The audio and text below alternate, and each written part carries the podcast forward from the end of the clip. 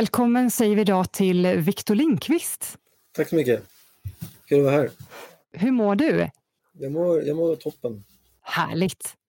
Vi har, kör ju vår podcast här eh, med inriktning mot eh, det lite yngre klientelet, 14 till 19-åringar som vi vill försöka få hitta rätt mot den marintekniska näringen. Vi kallar ju det hitta rätt. Eh, vi ser ju att den är lite okänd. Det är inte så många som känner till näringen. Och du går ju lite unik utbildning egentligen, för det finns på två ställen i Sverige marinteknisk utbildning. Har du lust att berätta om din utbildning? Eh, ja, det är ju en eh, treårig utbildning och det är ju som sagt båtmekaniker, marinteknisk utbildning som den inriktar sig mot. Eh, det är mycket meckande. Det är, man får lära sig plasta, svarva, husel, fordonsel, alltså 12 volt, 230.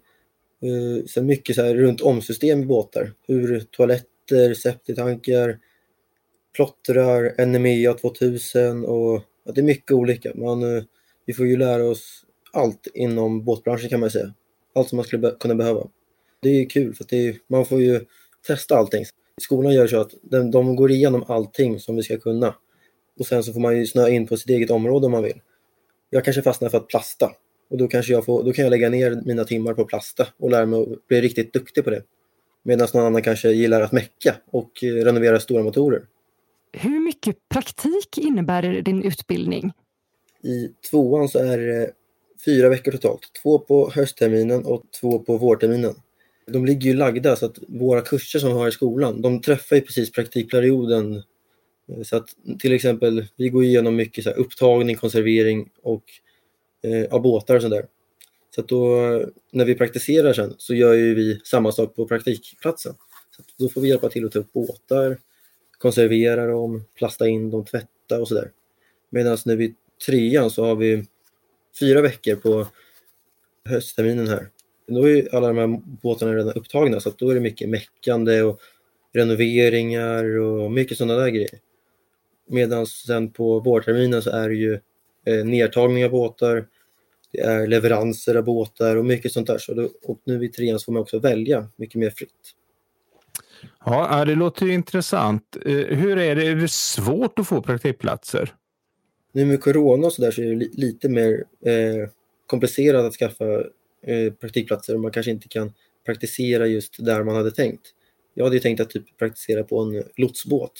För jag tycker att det, det är ett väldigt coolt yrke men ja, det är, det är sån, sån viktig samhällsyrkesklass eh, så att eh, vi fick inte praktisera där. Men eh, ja, skolan hjälper ju till om man inte, mot förmodan inte hittar någon praktikplats. Är det ni själva som ska söka praktikplatsen och försöka hitta dem annars?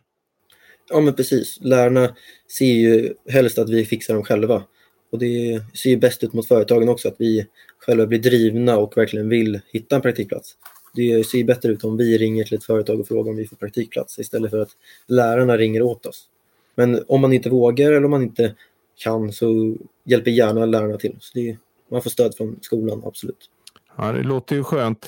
Eh, nu fick du inte praktisera på eh, Sjöfartsverket hos eh, lotsarna, men var har du praktiserat?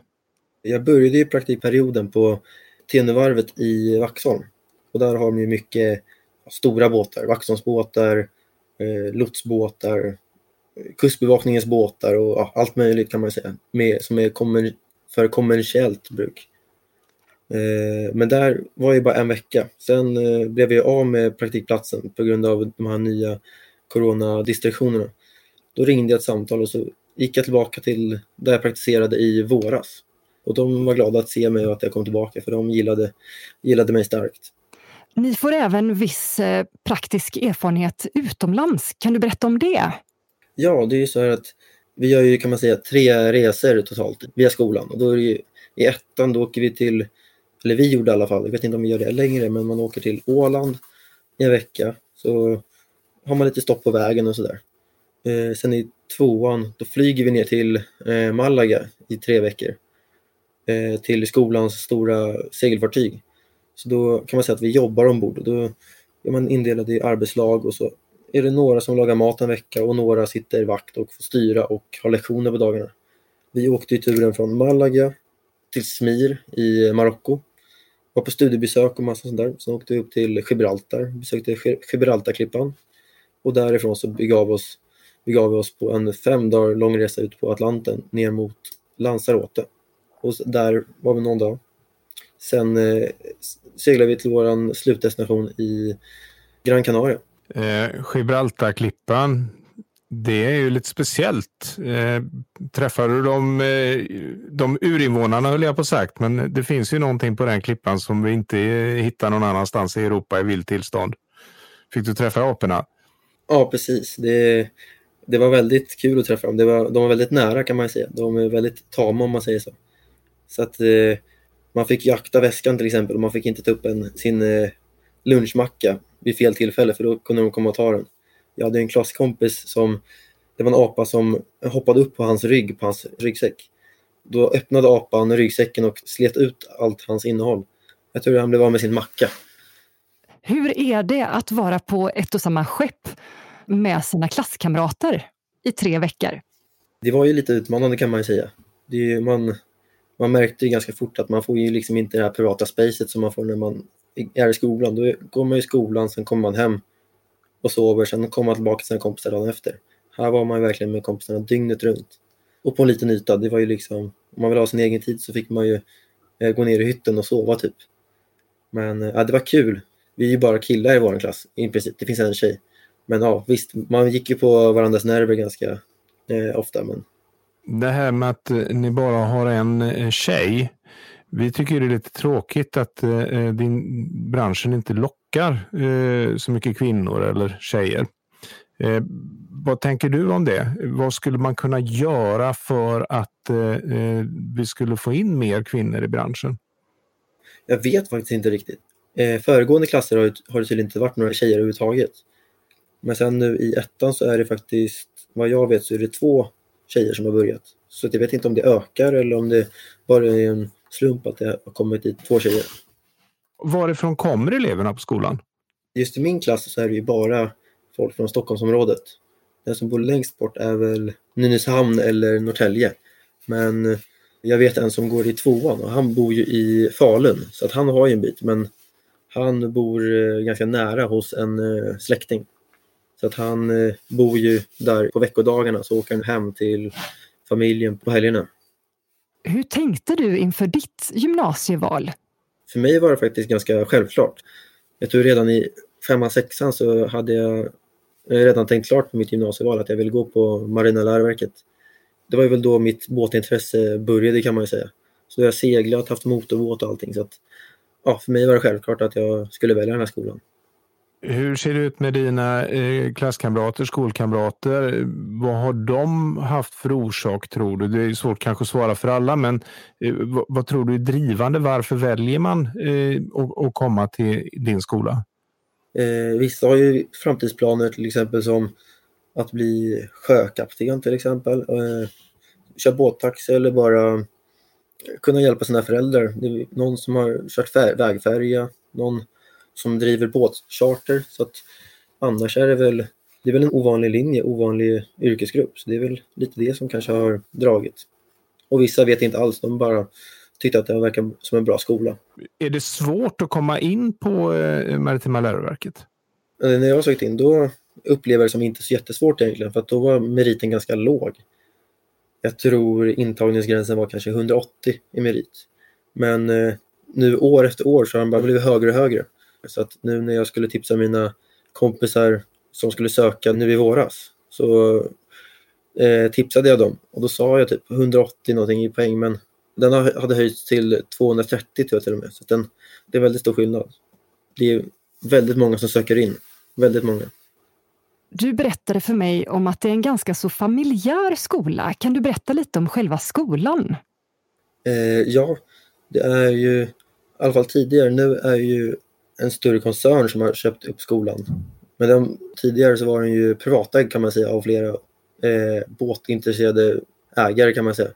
Så att de eh, värnade väldigt mycket om skolan och som jag förstår det så går ju all vinst som skolan får, den går ju inte till löner och sånt där. Den går ju direkt till skolan, tillbaka till utbildningen och det märks efter varje termin som man påbörjar. Den blir bara bättre och bättre kan man säga, skolan.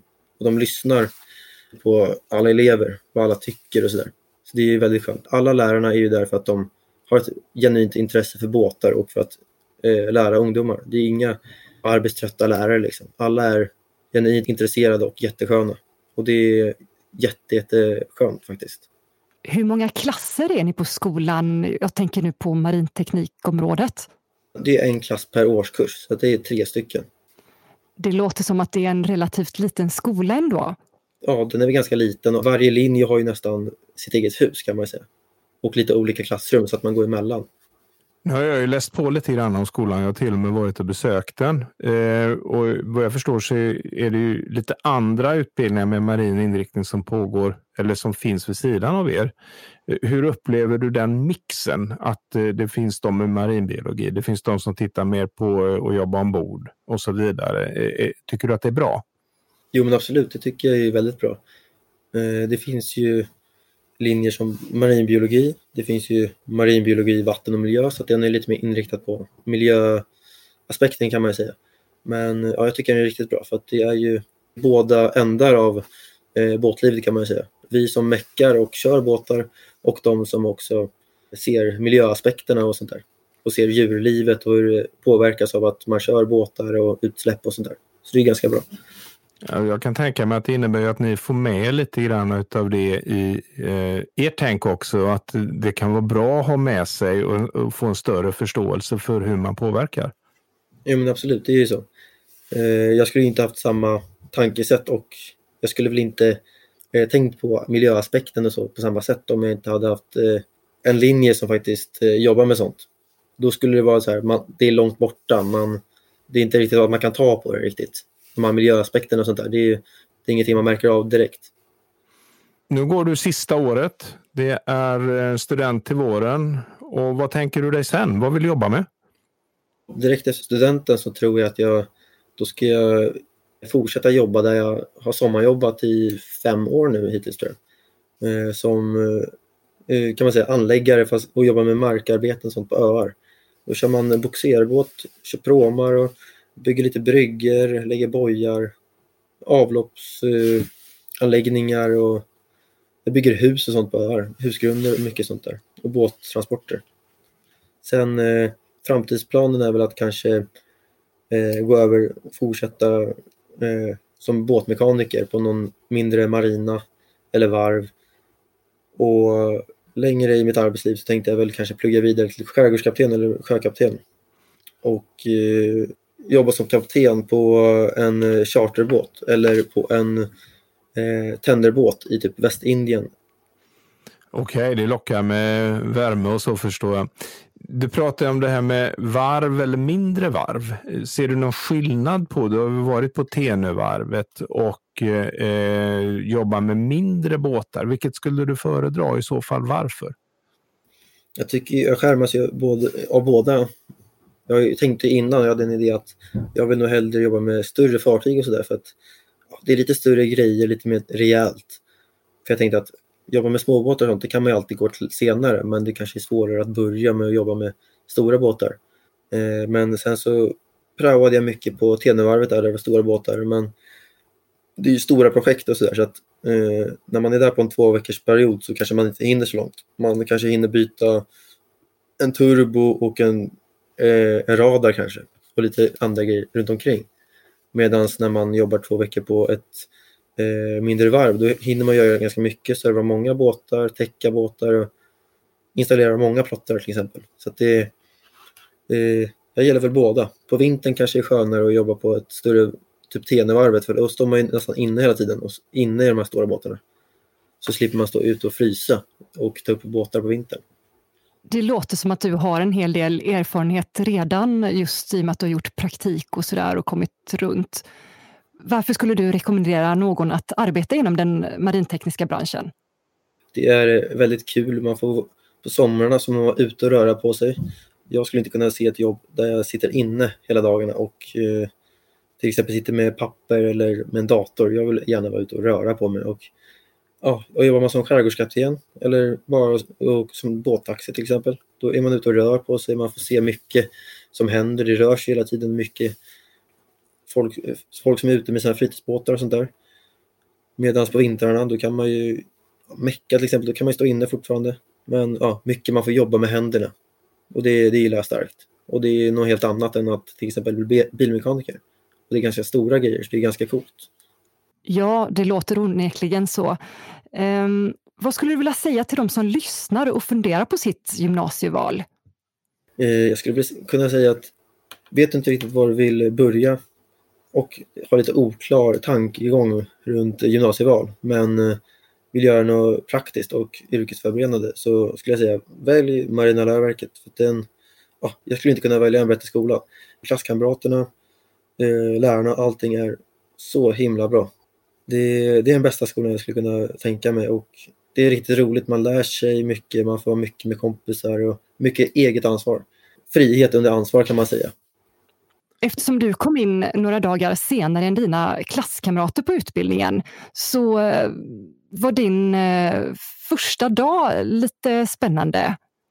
Ja, jag kom ju dit och då tänkte jag att det känns ju lite jobbigt att, eh, att träffa nya kompisar när de andra har redan haft sina första dagar i skolan. Eh, jag tänkte att när man går dit första dagen och alla är nya, då är det ju liksom, då har alla, då är det samma för alla liksom. Men jag kom ju in någon dag efter så att då tänkte jag att då kanske alla redan har träffat sina ja, nya kompisar och skaffat kompisgäng och sådär. Men eh, så var det absolut inte. Så fort jag kom dit så eh, träffade jag nya klassen, lärarna var jättetrevliga. Alla klasskompisar tog i hand och hälsade. Eh, sen var det rast eh, och alla välkomnade den och tyckte det var jätteroligt att man, att man hade börjat där. Alla var nyfikna och tog emot den med öppna armar. Så att efter första skoldagen när jag gick hem, då kändes det som att jag hade gått med, med hela klassen i en vecka. Liksom. Så det, det var jätteskönt faktiskt. Ja, Viktor, det låter som en trevlig skola att gå på och det låter som om du har goda tankar om framtiden. Vi gillar ju det med att du tänker på att jobba inom den marintekniska näringen. Eh, tack så hemskt mycket för att du har velat vara med oss eh, och det har varit väldigt intressant att lyssna på dig. Eh, jag önskar dig lycka till i framtiden. Ja, tack så mycket, Viktor. Tack så mycket.